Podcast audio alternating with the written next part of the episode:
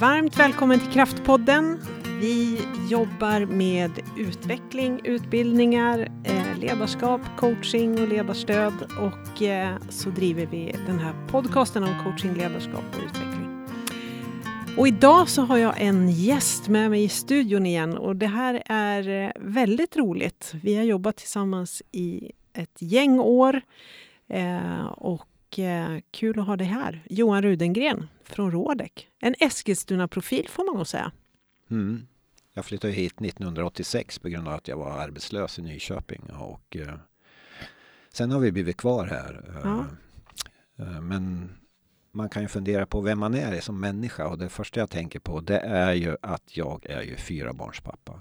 Ja. Det är jag jättestolt över. Fyra flickor? Fyra flickor som, ja, de är ju fyra pärlor.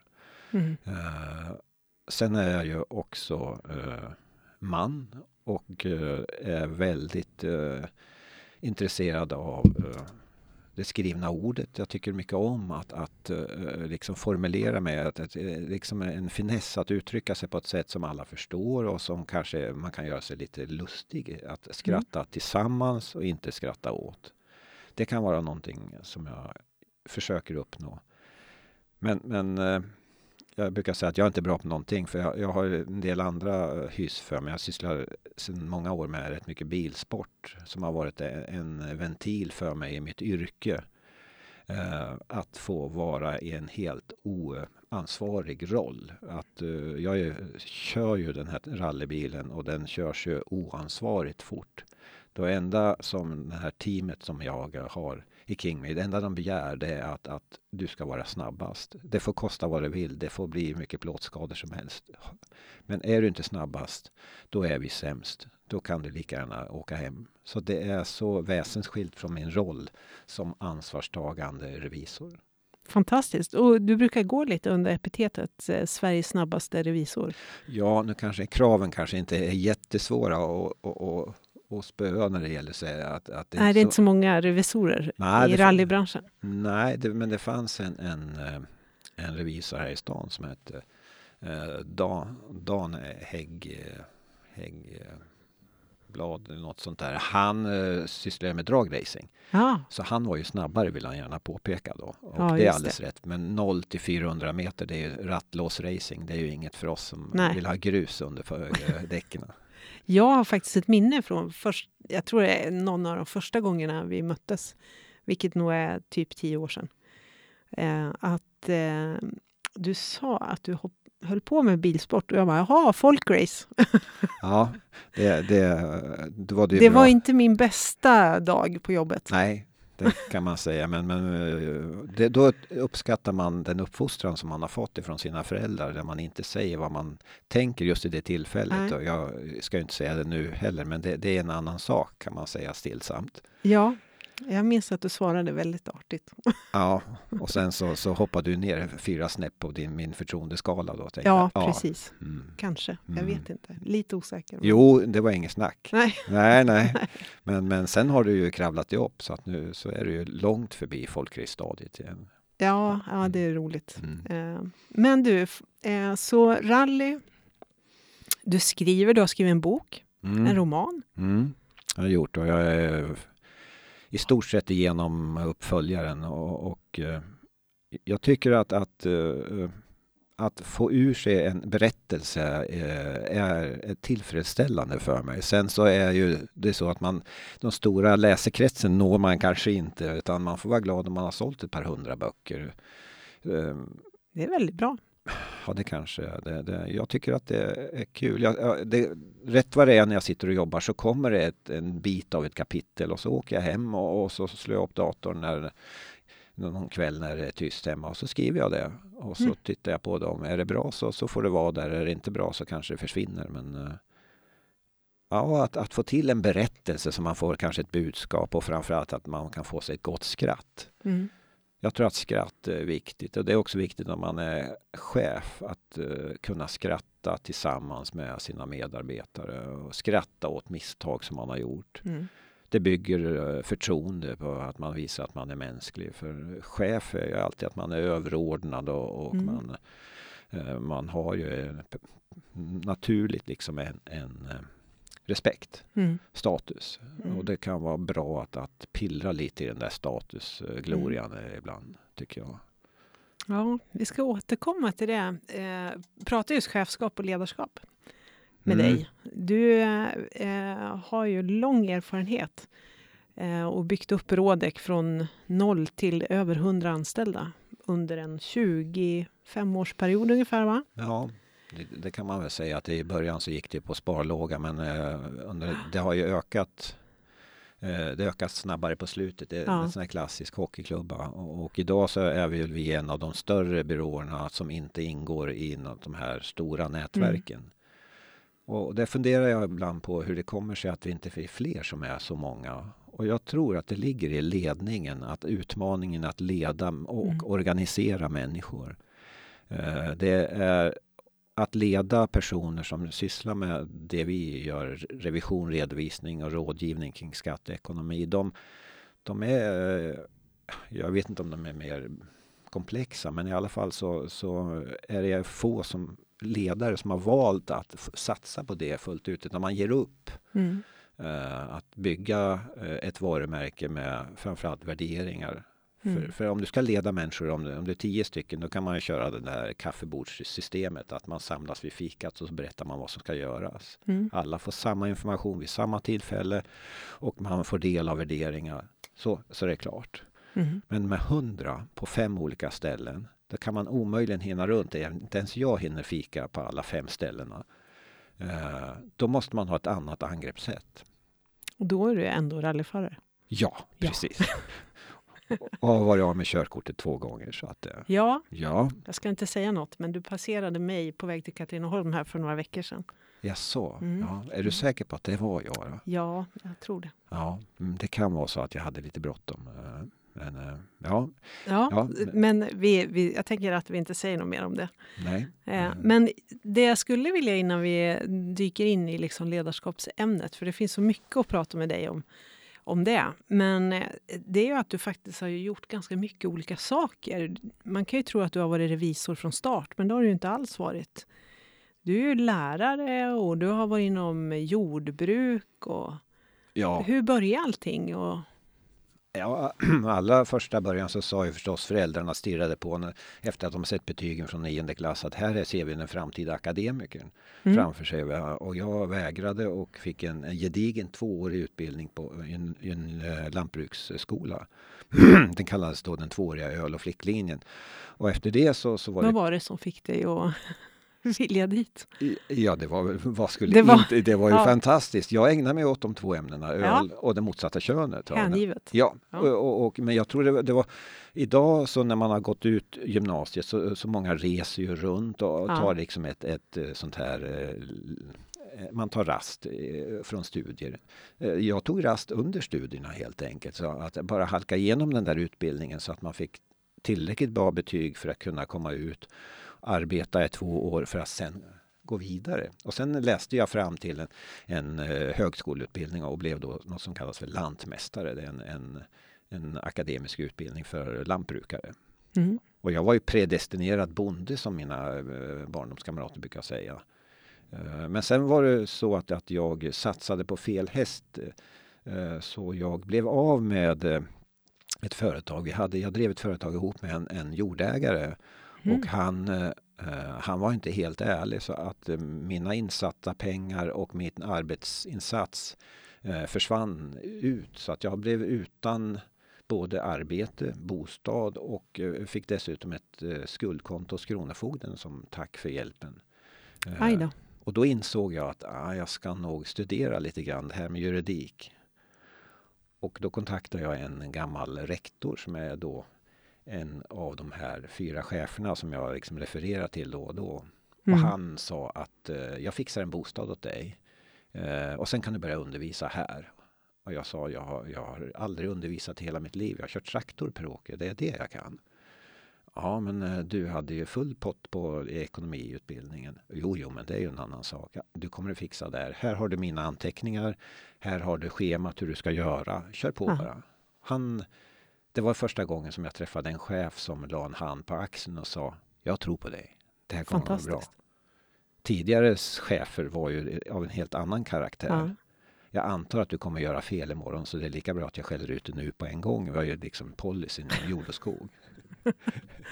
ja. det, det finns ju många exempel på det från den ja, tidigare tiden. Det kan jag förstå. Hur gammal var du när du började på skolan? Eh, då var jag 25. Wow. 25-26 år, ja, precis så. Men, nyktert. Men, eh, jag tänker att det var väldigt nyktert avvägande där och reflekterande och analys.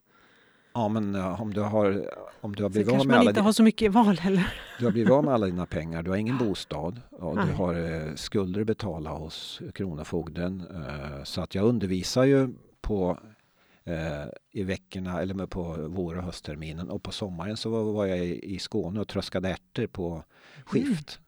Därför att eh, där kunde man köra ihop, om jag minns rätt, 50 eller 75 000 på två månader, vilket var hiskeliga pengar på den tiden. Så det gjorde jag två somrar för att betala av mina skulder till Kronofogden.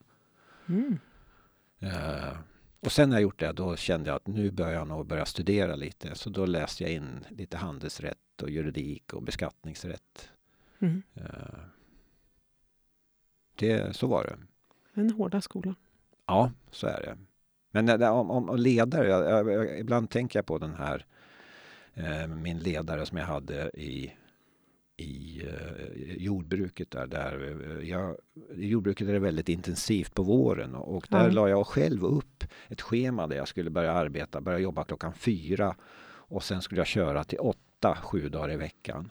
Och det där hade, vi, hade ju gjort, mitt, mitt ambitiösa schema gjorde ju att man hann mycket längre eh, mm. i momenten. Då. Alltså jag harvade och så kom det en, någon efteråt och sådde.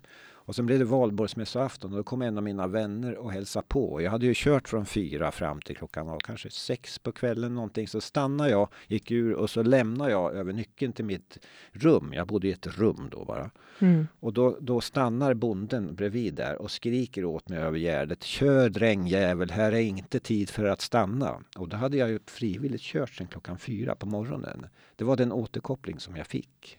Oh den, eh, det är något som jag aldrig, eh, jag kommer aldrig att glömma det. Eh, det är så starkt, lika starkt som det andra är när Per-Åke ja. la en hand på axeln och sa ja. att du, det här fixar du. Så vad hände inombords när du stod där i traktorn? Ja, jag insåg att jag inte skulle jobba någon mer säsong hos honom utan att det, det, det jag tror att man bara ruskade av sig och sa att äh, men det, han ja. är som han är. Han har inte sovit så bra han heller men, men Ja. ja. Mm. Det är inget bra händer ju inom en. nej, det gör inte det. Jag tänker man kan ha lite olika. En del blir arga, andra resignerar eller man sluter flyr. sig. Man, man sluter man, sig. Man, man mm. kapslar in. Mm. Nog, ja. Mm. Sen var ju en rolig prick när han var på återhumör, men det där var inget, Nej. det var inget kul. Men eh. Pråke är ett mer positivt exempel. Ja, ja det är det verkligen. Jag har nog tänka med värme på ganska ofta. Ja. Vad var det mer han gjorde? Han trodde på dig? Och... Han, eh, han hjälpte mig också med, med eh, hans eh, sätt. Jag hade haft honom som lärare tidigare och eh, jag tog efter mycket av hans, eh, hans värderingar, hans, hans trygga sätt att vara i klassrummet. Att han mm. kunde ju allt verkligen som han skulle prata om och jag, jag eh, det var ju inget att be för utan det var ju bara att sätta sig vid skolböckerna och läsa en gång till. Mm. För i ett klassrum så är det ju alltid den som står längst fram som lär sig mest, överlägset mest. Och jag tänkte om jag kan mitt ämne från alla vinklar och vrår så kommer jag bli lika trygg som Per-Åke. Och då kommer jag kunna göra ett hyggligt jobb som, som mm. lärare. Och det stämde ju verkligen att, att efter att jag hade lärt mig mitt ämne, det är ju inte oöverstigligt att lära sig ett ämne. Inte nu när man inser att man har tre stycken yrken man ska hålla reda på. Så eh, så blev man ju väldigt trygg. Ja. Och då kunde man ju liksom skoja och skratta och säga att ja, ehm, då tyckte, och så fick man själv möjlighet att skapa sig sina egna modeller på hur man skulle hantera undervisningen. Ja. Och det var då jag exempelvis, eh, som vi pratade om tidigare, det här med väghyvelsmodellen som, som vi diskuterade om. Ja, precis. Vi hade ett samtal här innan. Berätta, väghyveln, vad är det? Ja, det var eh, Per-Åke och jag som pratade om att när man får en grupp människor som kommer till ett klassrum så står, har alla olika position i sina startblock. Nu tänker de ja. att alla, men alla ska ju gå i mål mm. på något sätt. Och, och eh, eh, den som står längst fram, det är den som har bäst förkunskaper och den som står längst bak, det är den som har sämre förkunskaper. Och min uppgift som lärare det är att gå som en väghyvel bakom och skjuta alla elever framför sig så att alla har en lägsta nivå av kompetens med det som bas så kan du med vänsterhanden som Per-Åke bara kicka till de här som stod i första startblocket. Så de, de är så kvicka i huvudet så att det, det, om du lägger bara några sekunder på dem eller sådär så då, då skuttar de iväg så att de är nöjda. Men det, det, man ofta missar är att man sätter ner bladet mitt i. Man tar någon mellanmjölk och så missar man de här fem bakom. Mm. Och det har jag försökt ta med mig som princip i, i i, när man undervisar. Mm. Eh, som chef i en revision, på en revisionsbyrå så, så är det ju inte lika man är inte lika förlåtande där. Där är det ju hårdare. Där Vad är det som gör det? Det är ju produktion, vi ska leva på att vi gör ett bra jobb till våra kunder. Så eh, har jag nu gjort en utvärdering av när jag på en anställningsintervju så får jag ju försöka att eh, förhålla mig till de brister och de eh, förmågor som en anställd har. Jag kan ju inte, det är klart att jag kan köra lite väghyvel och skjuta fram. Ja. Eh, men, men det finns en gräns någonstans för vad som är möjligt. Det finns ju det finns ja. liksom en sidodörr för att det här funkar inte. Jag kör med väghyveln men det hoppar inte fram liksom. Det, det, tar stopp och då, då får man skiljas åt och det gör ja. man ju inte som, som, när man är lärare utan det där Nej. Där eh, måste man... Så det är, det är väl skillnaden, mm. tycker jag. Eh, även om tanken är fin, att, om det skulle gå. Men det, jag tänker att det också, det som är så viktigt där, det är ju kontexten. Att liksom, en person kan ju vara hur bra som helst, men i eran kontext så blev det inte så bra. Ja, precis. Alltså, man kan ha kvaliteter som i början ser kanon ut, men i kontexten av debiterbarhet, provision, trycket, ja, många kunder. Och, och, och jobba i en grupp. Och jobba i grupp. Tycker jag. Att, mm. att, och det är ju ändå vårt ansvar som rekryterar. Att här har vi Lasse som han söker jobb. Lasse har en sån här en profil som gör att han kommer att passa jättebra i den här gruppen vi har tänkt. Eller han kanske inte alls kommer att passa in i den. Mm. Men det är fortfarande vårt ansvar att välja mellan Lasse och Stina. För Stina kanske har en profil som mer passar in bättre i den här mm. gruppen. Så vi måste ju tänka på vilken personlighetstyp vi rekryterar. Mm. Uh. Det där är intressant. Jag vet att eh, du är väldigt involverad i rekryteringen. Eller har varit i alla fall fram till inte för länge sedan, va? Ja. Är du inte det fortfarande? Jo, Alltså om man inte är med i rekryteringen, då har du tappat det helt och hållet. Du måste ja. vara med. För mig, för mig är det en av knäckpunkterna att, att uh, få träffa och utvärdera vilken typ av människa det är. Mm. Uh, nej, jag, jag känner mig väldigt vilsen. Om, om det, det händer ju att man, det blir någon som blir anställd lite då och då. Kanske i någon kontor som är lite längre bort. Men, men då känner jag att jag vill gärna prata, ta en lunch och snacka lite grann och se var, var passar du in och vad, vad, vad, är det som triggar dig? Mm. Så att jag har lite koll. Mm. De är ju våra viktigaste resurser. Alltså mm. våran resultaträkning går ju hem vid 17 året och det gäller ju att få tillbaka dem klockan åtta nästa morgon. Mm. Och då måste vi känna dem och veta om liksom, vad är det som triggar Anita till att komma till jobbet. Va? Mm. Är det Röda Korset eller är det Friskis och Svettis eller vad, är det att hon får börja klockan nio därför att hon ska gå ut och gå med sin hund? Vi har ju det så fantastiskt att jag menar man kan ju ha ett, ett flex tidsansvar. Ja. Mm, intressant. Så med andra ord så frågar du redan eller du är utforskande liksom i vad är det som är meningsskapande för den här personen? Ja. Det... Alltså, eller ger meningsfullhet och frihet eller ja.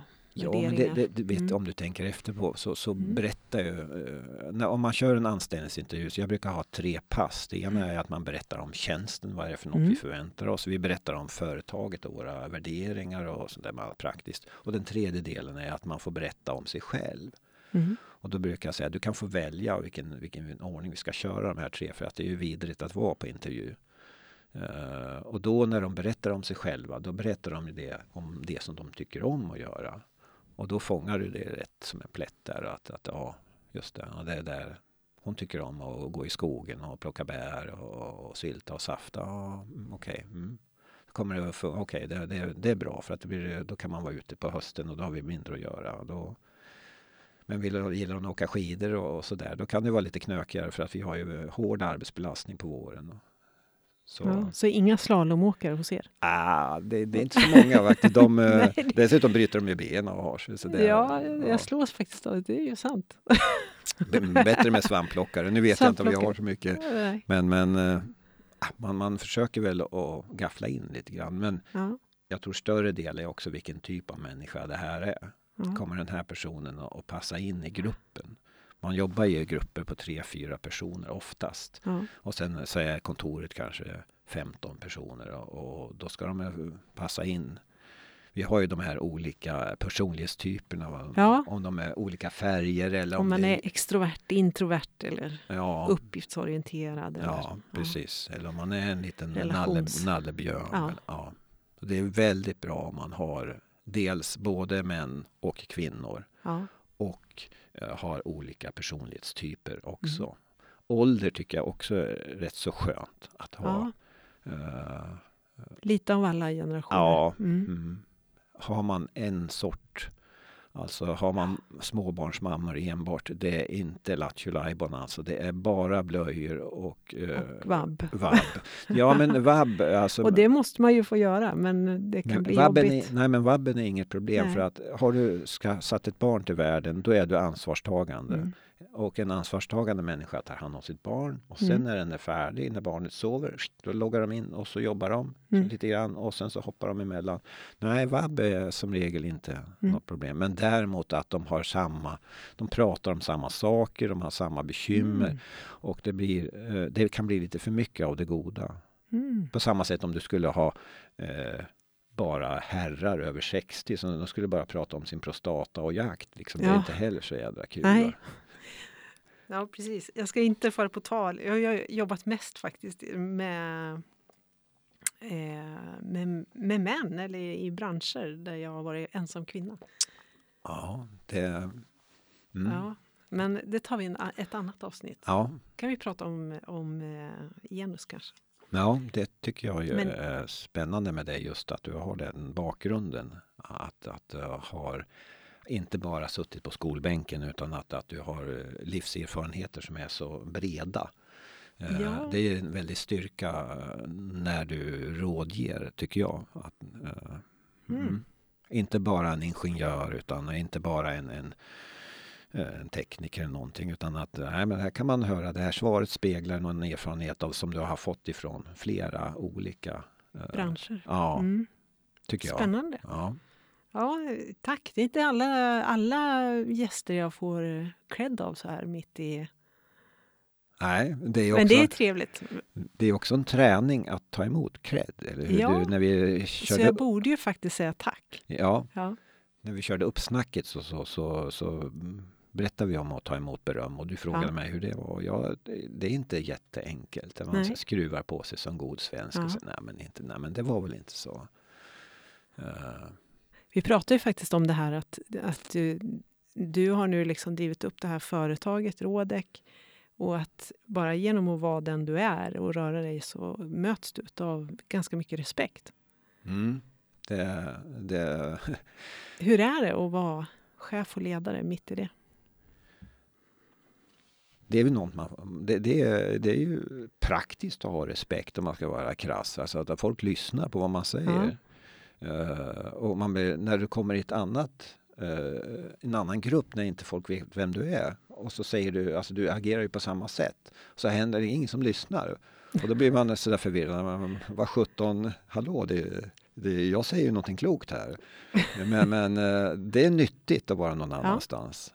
Eh, Ja. Och det tror jag är också nyttigt att, att ha för, för att, att det är lätt att man bygger sin egen bubbla av att, av vara eh, någon upphöjd individ. Och, och jag tror faktiskt att, att det här eh, biltävlandet som har varit, som jag sysslar med länge, Ja. har ju varit eh, kostsamt och tagit mycket tid. Men det har varit en ventil för mig. Och, och, de som, vi vi är en grupp på sex människor, de, de har ju ingen som helst respekt överhuvudtaget för mig, utan tvärtom. Så, Mm. så, så tycker de att, att jag är bara klen, jag liksom bara gnäller om inte det går bra. Att, att, att, att, eh, där, där är det helt andra värderingar som gäller. Och de kan ju säga något sådär som att du Johan, att, att, att det var revisor och driva ett rallyteam, det är ungefär som att vara präst och driva bordell samtidigt. Det är väl inget, Det, i, det, det, det, kan ju inte funka bra ihop. Mm. Uh, och, och, det får man ju lov att hålla med om. Att de har ju en poäng, grabbarna, om det. Att uh, det, det.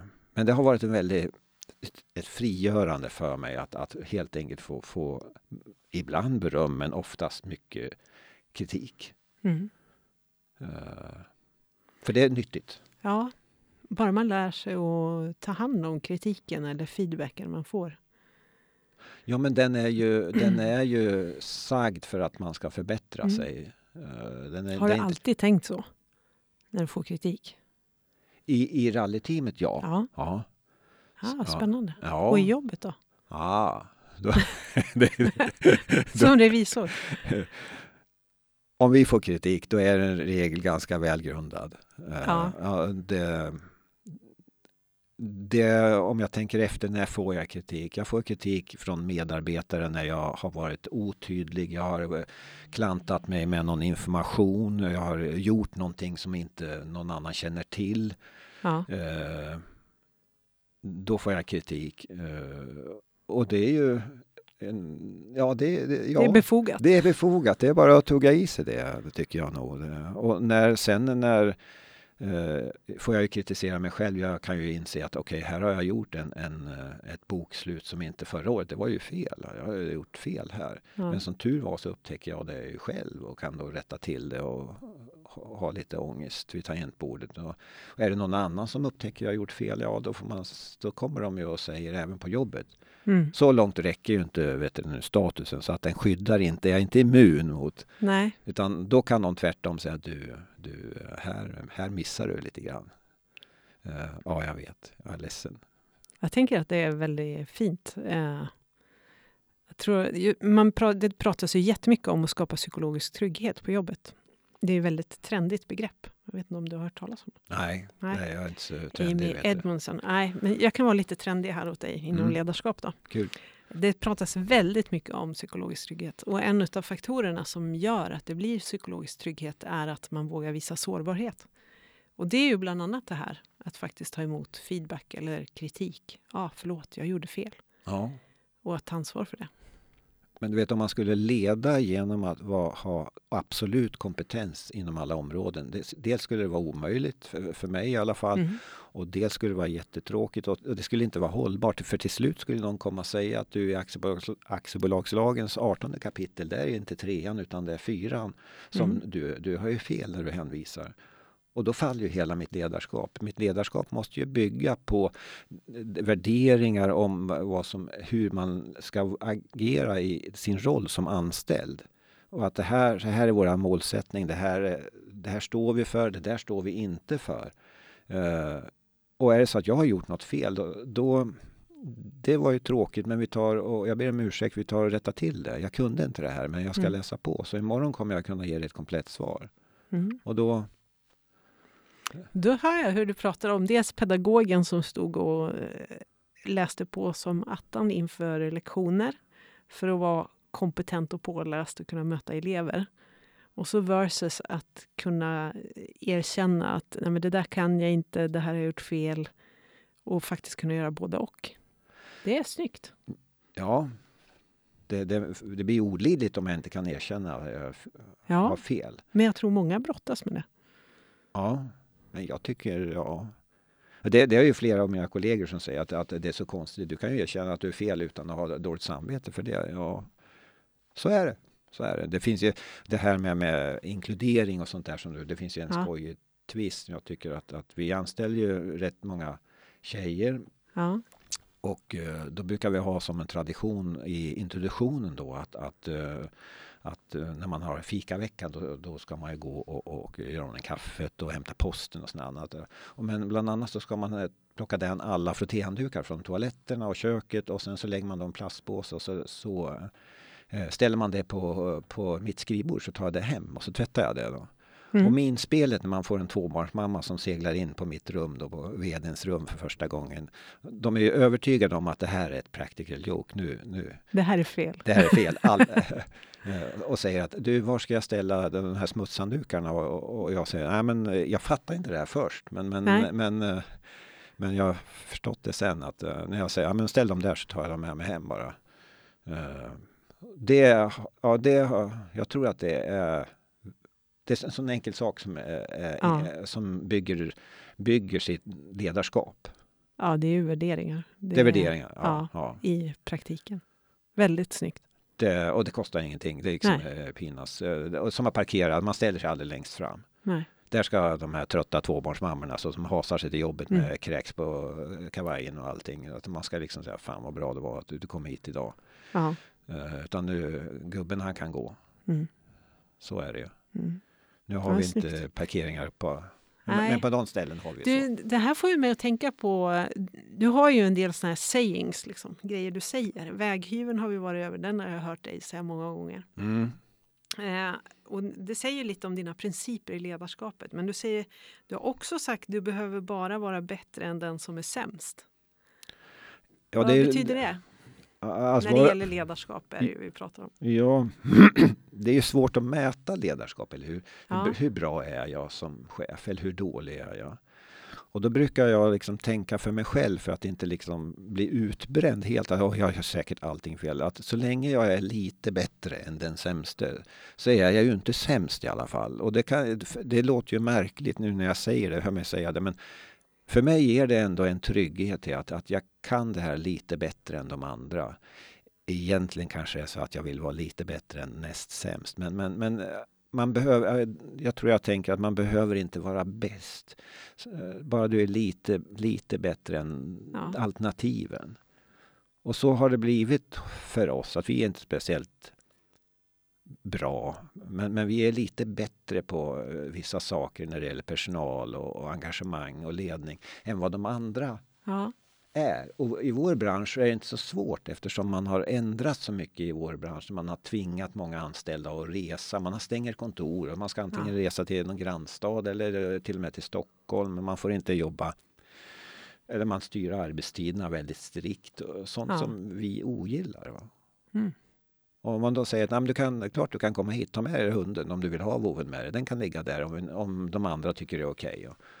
Och eh, vill du jobba hemifrån på fredagar därför att då ska du göra ditten och datten, ja fine, det går bra.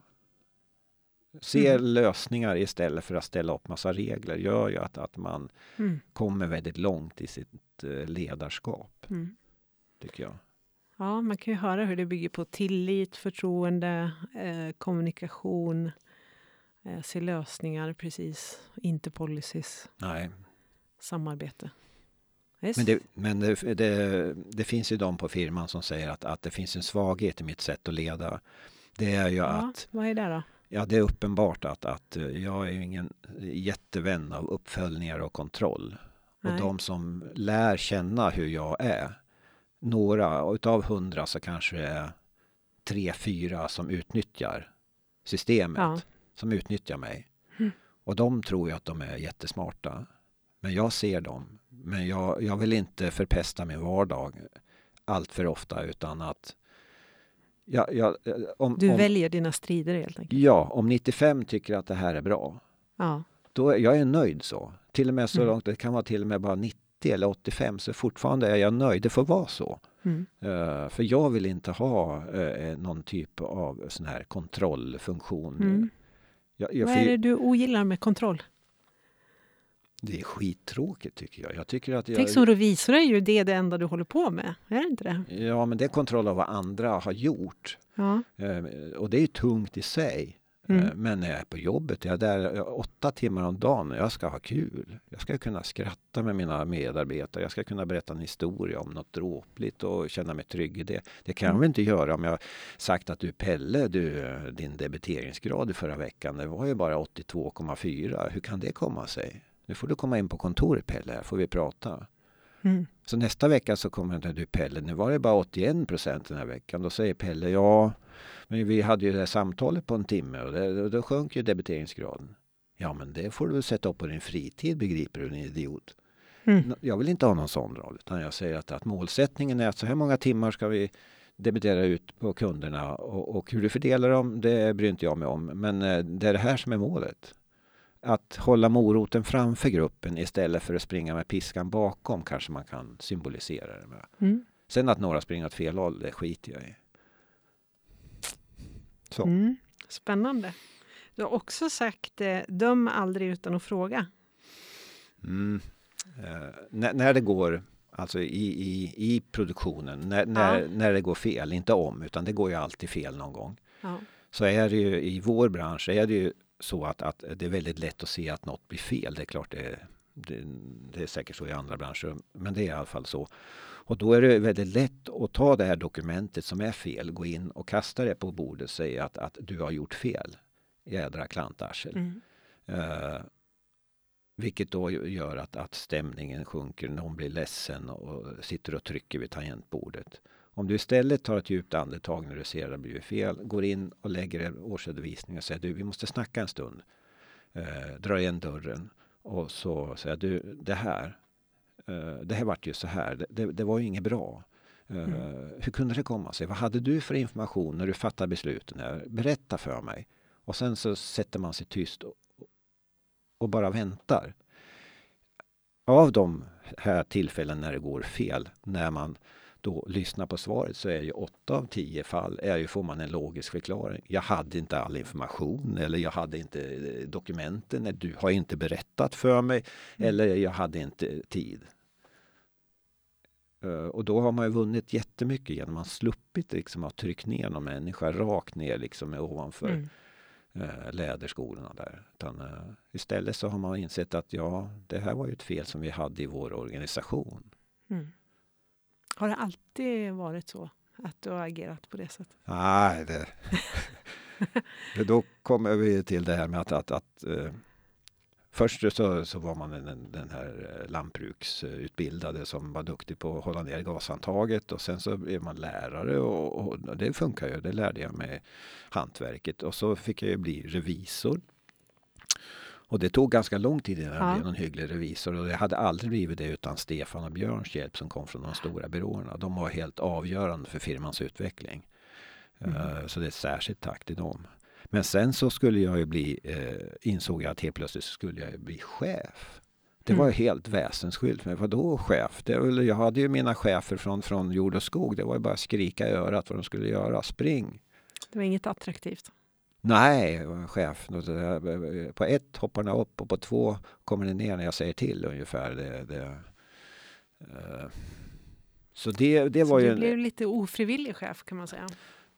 Ja, absolut. Jag hade absolut mm. ingen lust att bli chef. Jag trivdes utmärkt med att vara en kollega. Mm. Jag ville ju inte egentligen vara chef. Lite sådär. Ah. Mm. Men nu jag förstår ju vikten av det och jag kan bli triggad av vad gör människor, vad gör att människor trivs i en grupp? Mm. Och då kan jag liksom gå igång på det och försöka jobba med sådana frågor. Och det är, ibland är det jätte, jättesvårt. Och, och, vi, och det, det, är mycket svårare att vara chef än vara revisor, känner jag. Det kanske beror mm. på att jag inte är färdig chef. Men ja. Blir man någonsin det? Nej, ja, då får vi fråga någon som är chef då. Ja. Jag har ingen aning. Eller hur? jag tror inte... Det finns alltid... Alltså det är ju konstant lärande. Ja, det är det ju. Men det är det väl inom alla yrkeskategorier idag. Ja, men det, det man måste vara... Chef måste man ju vara på tå. Ja. Du vet som, som, som revisor kan man ju köra mycket på erfarenhet och säga att ja, men jag ser det där, det ser ut så och så, det måste vara så här. Ja, det var så och så, ja, det måste vi rätta. Det, du ser mycket, men, men du kan inte använda det, tycker inte jag i alla fall. Jag måste lyssna. Ah, intressant. Jo, men visst finns det väl en del sånt som du gör i ditt chefskap också? Jo, jag vet ju om jag... Jag tänker om liksom jag... att om jag tänker tillbaka sen vi möttes och nu, det har ju gått tio år, eh, så är ju du en, alltså idag en mogen ledare och chef som gör på helt andra sätt än du gjorde för tio år sedan. Ja, så, så är det Men du kanske inte reflekterar över att du har de där mekanismerna som faktiskt sitter i ryggmärgen? Ja, det, det, så kan det väl kanske vara. Jag skulle ju aldrig drömma om att sätta fyra krokodiler i, i, i, i en grupp. För det, det. Och då pratar vi om, ja, om man har läst DISK till exempel, som de flesta känner till. Eh, att man är lite gul, sådär, inspiratör, motivator. Ja, man, precis. Det finns olika beteendeanalysverktyg. Ja, precis. Mm. Om man är precis gul eller krokodil, det är ju samma ungefär. Ja, ungefär. ungefär. Kan man nog säga. Ja. Nej, det är ju aldrig bra. Nej. Det är bra med en blandning. Ja, och ja. för att kunna vara en god chef så hävdar jag att då måste man känna, man måste börja med sig själv. Du måste ja. känna dig själv. För om du inte vet vem du själv är, då vet du sannolikt inte vad dina, din omgivning är heller. Mm. Uh, så det tyckte jag var väldigt bra med den utbildning som vi fick mm. mm. genom Björn. Uh, det var verkligen kul. Uh, eller det var en aha-upplevelse för mig att, att, att aha, jag är en sån här person. Det hade jag inte riktigt koll på själv. Ja, som jag måste förhålla mig till. Att jag gärna pratar för mycket, att jag kan ta över samtalet. Det, vi har ju två öron och en mun. Att ja. Det är mycket värt att bara sätta sig på en stol, fråga hur är det idag? Och sen vara tyst. Det bygger ju otroligt mycket förtroende genom att göra det. Här kommer vdn och sätter sig och, och, och drar igen dörren. Mig som är anställd. Så det försöker jag göra, inte hos alla. Men, men jag cirkulerar ja. ju runt på kontoren. Ja, ni har fem kontor. Ja. Mm. Så att, att jag försöker att vara på åtminstone tre per vecka, en normal mm. vecka. Uh, och då, då är det rätt gött att bara glida in på en anställd och så fråga hur läget är bara och sitta och lyssna en stund. För då får man, du fångar ju upp massa saker. Ja. De, det finns ju en kontorschef på varje kontor och då fångar jag upp eventuella gnissel med den. Mm. Uh, för då, om du visar förtroende för den anställde så, så får du ju förtroende tillbaka. Mm. Uh, och det, det är ju otroligt mycket värt. Ja. Hur mycket tid av din liksom, vardag ägnas åt ledarskap och chefskap? Om du skulle liksom mellan tummen och pekfingret, det är inte så lätt att säga. Men... Nej, det, det, vissa dagar är det bara ledarskapsfrågor och andra dagar är det ingenting. Men, men visst. Uh, uh, ungefär 700 timmar om året tror jag att jag har tittat. Mm. Jag försöker koda lite grann sådär. Ja. ja. Och så kanske man jobbar 1800-2000 timmar någonstans. Ja. Uh, men det där är ju beror på eh, vad, vad är vad? Är 40, vad? 60, ja hur definierar man det? Ja. Liksom? Ja. Men det är ändå intressant, tänker jag. Ja. Jag tror ju att många ger för lite tid till sitt ledarskap. Det tror jag med.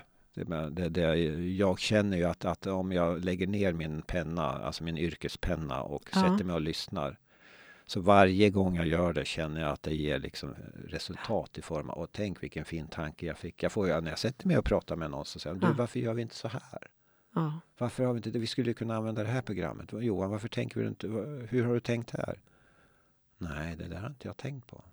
Mm. Och så tar jag det till mig och så snackar vi det om att eh, Anita här, hon tyckte varför använder, använder, använder vi inte den där mjukvaran i mm. den här, hos den här kunden? Och det tror jag är eh, faktiskt en av våra styrkor. Att alla ja. får vara med och påverka om, om, eh, mm. och säga, säga till. Vi har fått tillbaka medarbetare som har gått till de stora byråerna eh, där de inte har fått påverka utan här är den de... Det är så här vi gör. Det är så här vi gör. Det är de här mjukvarorna du har. Mm. Uh, och det är det här, de verktygen. Så, så full gas framåt med det här. Du ska inte syssla med någon utveckling. Mm. Vi är ju lite mer sådär trial and error och det låter ju ostrukturerat men, men det, mm. vi anpassar oss efter om kunden har en mjukvara så försöker vi se, ja men den här kanske vi kan koppla ihop med våra. Och, mm. Uh, vi har ju anställt en, en IT-ansvarig, alltså en, mm. rejält duktig IT-tekniker och det har varit otroligt skönt. Mm. För det är ju mycket Som, teknik idag. Det är väldigt mycket och lär ju bli mer. Faktiskt. Ja, oh ja. Mm. ja. Eh, du, om du skulle liksom, vi har ju pratat lite om ledarskap här, om du skulle eh, den här resan, den är ju lång. Du startade liksom på 80-talet till och med. Ja, är du knappt född eller? Ja, ja. 86. Jag mm. gick på högstadiet tror jag och hade hockeyfrilla och lyssnade på Europe. Mm. Ja, typ så. Mm. mm. Det var ett tag sedan. Eh, och så nu då så har ni fem kontor i Sörmland och ni är liksom största byrån i Sörmland kanske? Ja, det är vi. Ja. Eh, och i Sverige så är vi i alla fall bland de tio största utanför ja, eh, Som kedjan. inte tillhör kedjor. Ja. Mm. Eh, det är en fantastisk prestation. Och under sen, vad är det? Hur länge sedan är det sedan du blev chef och vd? Eller har du varit där hela vägen? Jag, jag, jag, ja. jag, var väl mm. ingen chef, men jag var ju den som bestämde. Ja, chef, ägde. Har, chef har väl bara varit de sista tio åren, om jag, tycker jag. Ja. ja. Innan så var Sen det, du fick ditt uppvaknande? Liksom. Ja, då mm. 2013. Innan dess så hade vi sju chefer, det var ju jättebra. Ja. Så då, om den anställde, vi hade ju ett regelverk som den anställde skulle förhålla sig till om arbetstider exempelvis och så tyckte kanske den anställde att det här var inget bra. Då gick man bara till nästa då och frågade, men du kan man inte göra så här istället? Och nästa delägare sa, jo men det går ju fint. Ja. Så, så, i praktiken var det kaos anarki, deluxe. Liksom. Mm. Det var anarki. Uh, så det har ju blivit mycket bättre och lugnare nu. Nu mm. har, har man ju ett regelverk att förhålla sig till som även jag tycker är bra. Mm. Uh. Så vad är dina viktigaste principer för ditt ledarskap? Ja, eftersom vi säljer tid så måste och då är det en trång sektor för oss. Mm. Så att ha tid, mm. sätta av tid. När du kommer till, ett, till din arbetsplats, uh, starta upp datorn, uh, hämta en kopp kaffe och sen så gå runt och, och hälsa och, och, och stanna till någonstans. Och då då stannar man till, man sticker inte in huvudet, säger god morgon och halva kroppen är på väg ut igen när man hör, man hör liksom i svaret att här är någonting som man behövde prata om. Man hör mm. ganska snart. Så antingen så, så skiter du i att gå runt. Utan för idag är en sån dag, jag hinner inte utan jag måste producera. Mm. Och det kan man skicka något sån här meddelande på något internet, någon internettjänst som du dräller av. Eh, men går du runt så måste man ta sig tid. Så tid är mitt första. Mm. Uh, att, då har man lämnat tid, då, då är det mycket vunnet. Mm. Mm. Och sen så, så tycker jag väl att, att man ha, ska ha tålamod. Mm. tålamod för att människor utveckla, utvecklas olika fort. och att med tålamod för att man resonerar annorlunda. Mm. Och det tredje tycker jag är ju att uh, ha respekt för mm. uh, varandra. Och även om, om, om, man kanske inte är på, på, samma yrkesmässiga nivå så måste man visa respekt. Samma respekt för någon som, som sitter i receptionen eller någon som är en, en, en specialist på hög nivå. Alla har liksom samma människovärde. Alla har samma plats i fikakön och, och sådär. Mm då har man kommit långt tycker jag. Mm. Man måste också ja, lyssna förstås, men det ligger i tid ja. att man ska kunna lyssna mm. in på vad de säger. Sen, sen kommer man ju till en punkt där det är lite mer tråkiga. Det är ju att, att när, när ibland som, som chef så måste man ju säga ifrån. Som våran ekonomitjej säger, det, det är ditt förbannade jobb. Det här är inget kul. Men det är ditt jobb, så det är mm. dags att du börjar jobba nu. Och då är det när man, de här 5 procenten när det har gått fel. Ja. Så måste man sätta ner foten. Lite uppföljning helt enkelt. Ja, det är inget kul, men, men uppföljning eller det, det är någonting som inte fungerar. Någon person som inte funkar i gruppen eller inte funkar i produktionen har mist. Mm. Och då måste man ju ändå säga att nej, du, det finns säkert en arbetsplats för dig, men just nu är den inte hos oss. Mm. Uh, och det, det spännande med den, för det första så är det ju ett en ansträngning, psykisk ansträngning. Men alla de gånger som jag har gjort det här, så alla gånger så säger de, ja men jag vet om. Ja, jag vet, jag vet att det här, det här är inte bra. Ja. Jag borde... Jag, jag, borde gjort annorlunda. Jag borde gjort annorlunda. Jag förstår dig. Jag förstår att ni ja. inte är nöjda. Och så, så slutar det med en uppgörelse eller sådär. Att, att man, ja. man skiljs åt helt enkelt. Uh, så det här med, med turordningsregler har vi uh, kunnat hantera mm. uh, utanför regelboken så att säga genom att ha ett samtal med den anställde. Mm. Vilket sannolikt är bra. Jag, mm. ja. jag vet inte om jag har mm. missat någon. Nej, jag tycker du har liksom, vi pratade lite här innan. Jag tycker du har fått med allting. Ja, jag är livrädd att när, du sitter och tittar i ett anteckningsblock och så säger ja, det där kommer där... det kom man inte ihåg. det blir Ja. uppföljning sen. Ja. Nej. Nej. Nej. Men eh, jag tänker att vi börjar att runda av, men jag är lite nyfiken. För de sista poddarna, då har jag faktiskt frågat mina gäster så här, om du skulle ge, få möjligheten att ge alla ledare i världen tre superkrafter, vilka skulle du vilja att alla ledare fick i världen? Ja, det vi andra inte har och som man tycker att våra ledare skulle ha, det är ju en förmåga att se in i framtiden. Mm. För då kanske de skulle fatta ett mer klokt beslut än vi tycker att de gör. Eh, Så det överskuggar väl. Men det är klart, om man har förmågan att se in i framtiden och sen inte har ödmjukhet inför mänskligheten, Mm. då hjälper ju inte det. Nej. Om det nu är en superkraft, men det tycks i alla fall vara en bristvara i våra, eh, bland våra världsledare. Mhm. Eh, Där tycks det mer vara narcissism som är en eh, paradgren för, för, för dem. Så att det är väl då ödmjukhet inför mänskligheten och sen så det tredje som jag tänker att det är någon form av respekt för människors eh, lika värde. Mm. Eh, Som jag tycker att många, många stora ledare har ju pratat mycket om Nelson Mandela Ja. exempelvis. Som, man, man, som han visar ju sån otrolig eh, ödmjukhet och förlåtelse inför att ha suttit i fängelse så, så länge. Det var en stor man, Ja, verkligen. tycker jag. Mm. Fantastisk. Du, hur var det för dig att vara med i podden? Jag har ju lyssnat på några program och jag hoppas att eh, de är bättre än vad det här är. För man tycker ju själv att det här var väl inte så mycket.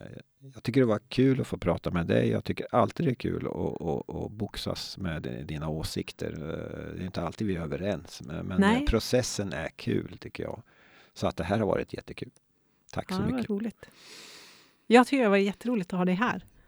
Tänkt på det ett tag och eh, tänkt att det kommer att bli roligt. Mm. Och det blev det. Blev det det? Ja, det tycker jag. Ja. Mm. Eh, och eh, jag tänker att det här var kul att återkomma någon gång framöver. Och att få ha dig som gäst igen. Tack Du så har mycket. Ja. Otroligt mycket erfarenheter att dela med dig av, tänker jag. Ja, jag tycker mest det blir rörigt. Men, men jag får väl lyssna sen. När, Ja. jag, när har klippt och klistrat som det heter. Ja, precis. Tack så jättemycket för att du kom, Johan. Tack så mycket för, att jag fick- för att jag fick komma.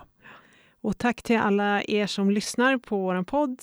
Eh, jag vill också uppmärksamma er på att eh, podden innehåller ju en rad med program och en riktig kunskapsbank numera på 100, över 120 avsnitt. Så gå gärna tillbaka och lyssna på allt möjligt om konflikthantering, det är intervjuer, det är samtalsmetodik, mötesmetodik, ledningsgruppsarbete etc. Eh, och så önskar vi er en, och dig en fortsatt fin dag. Allt gott!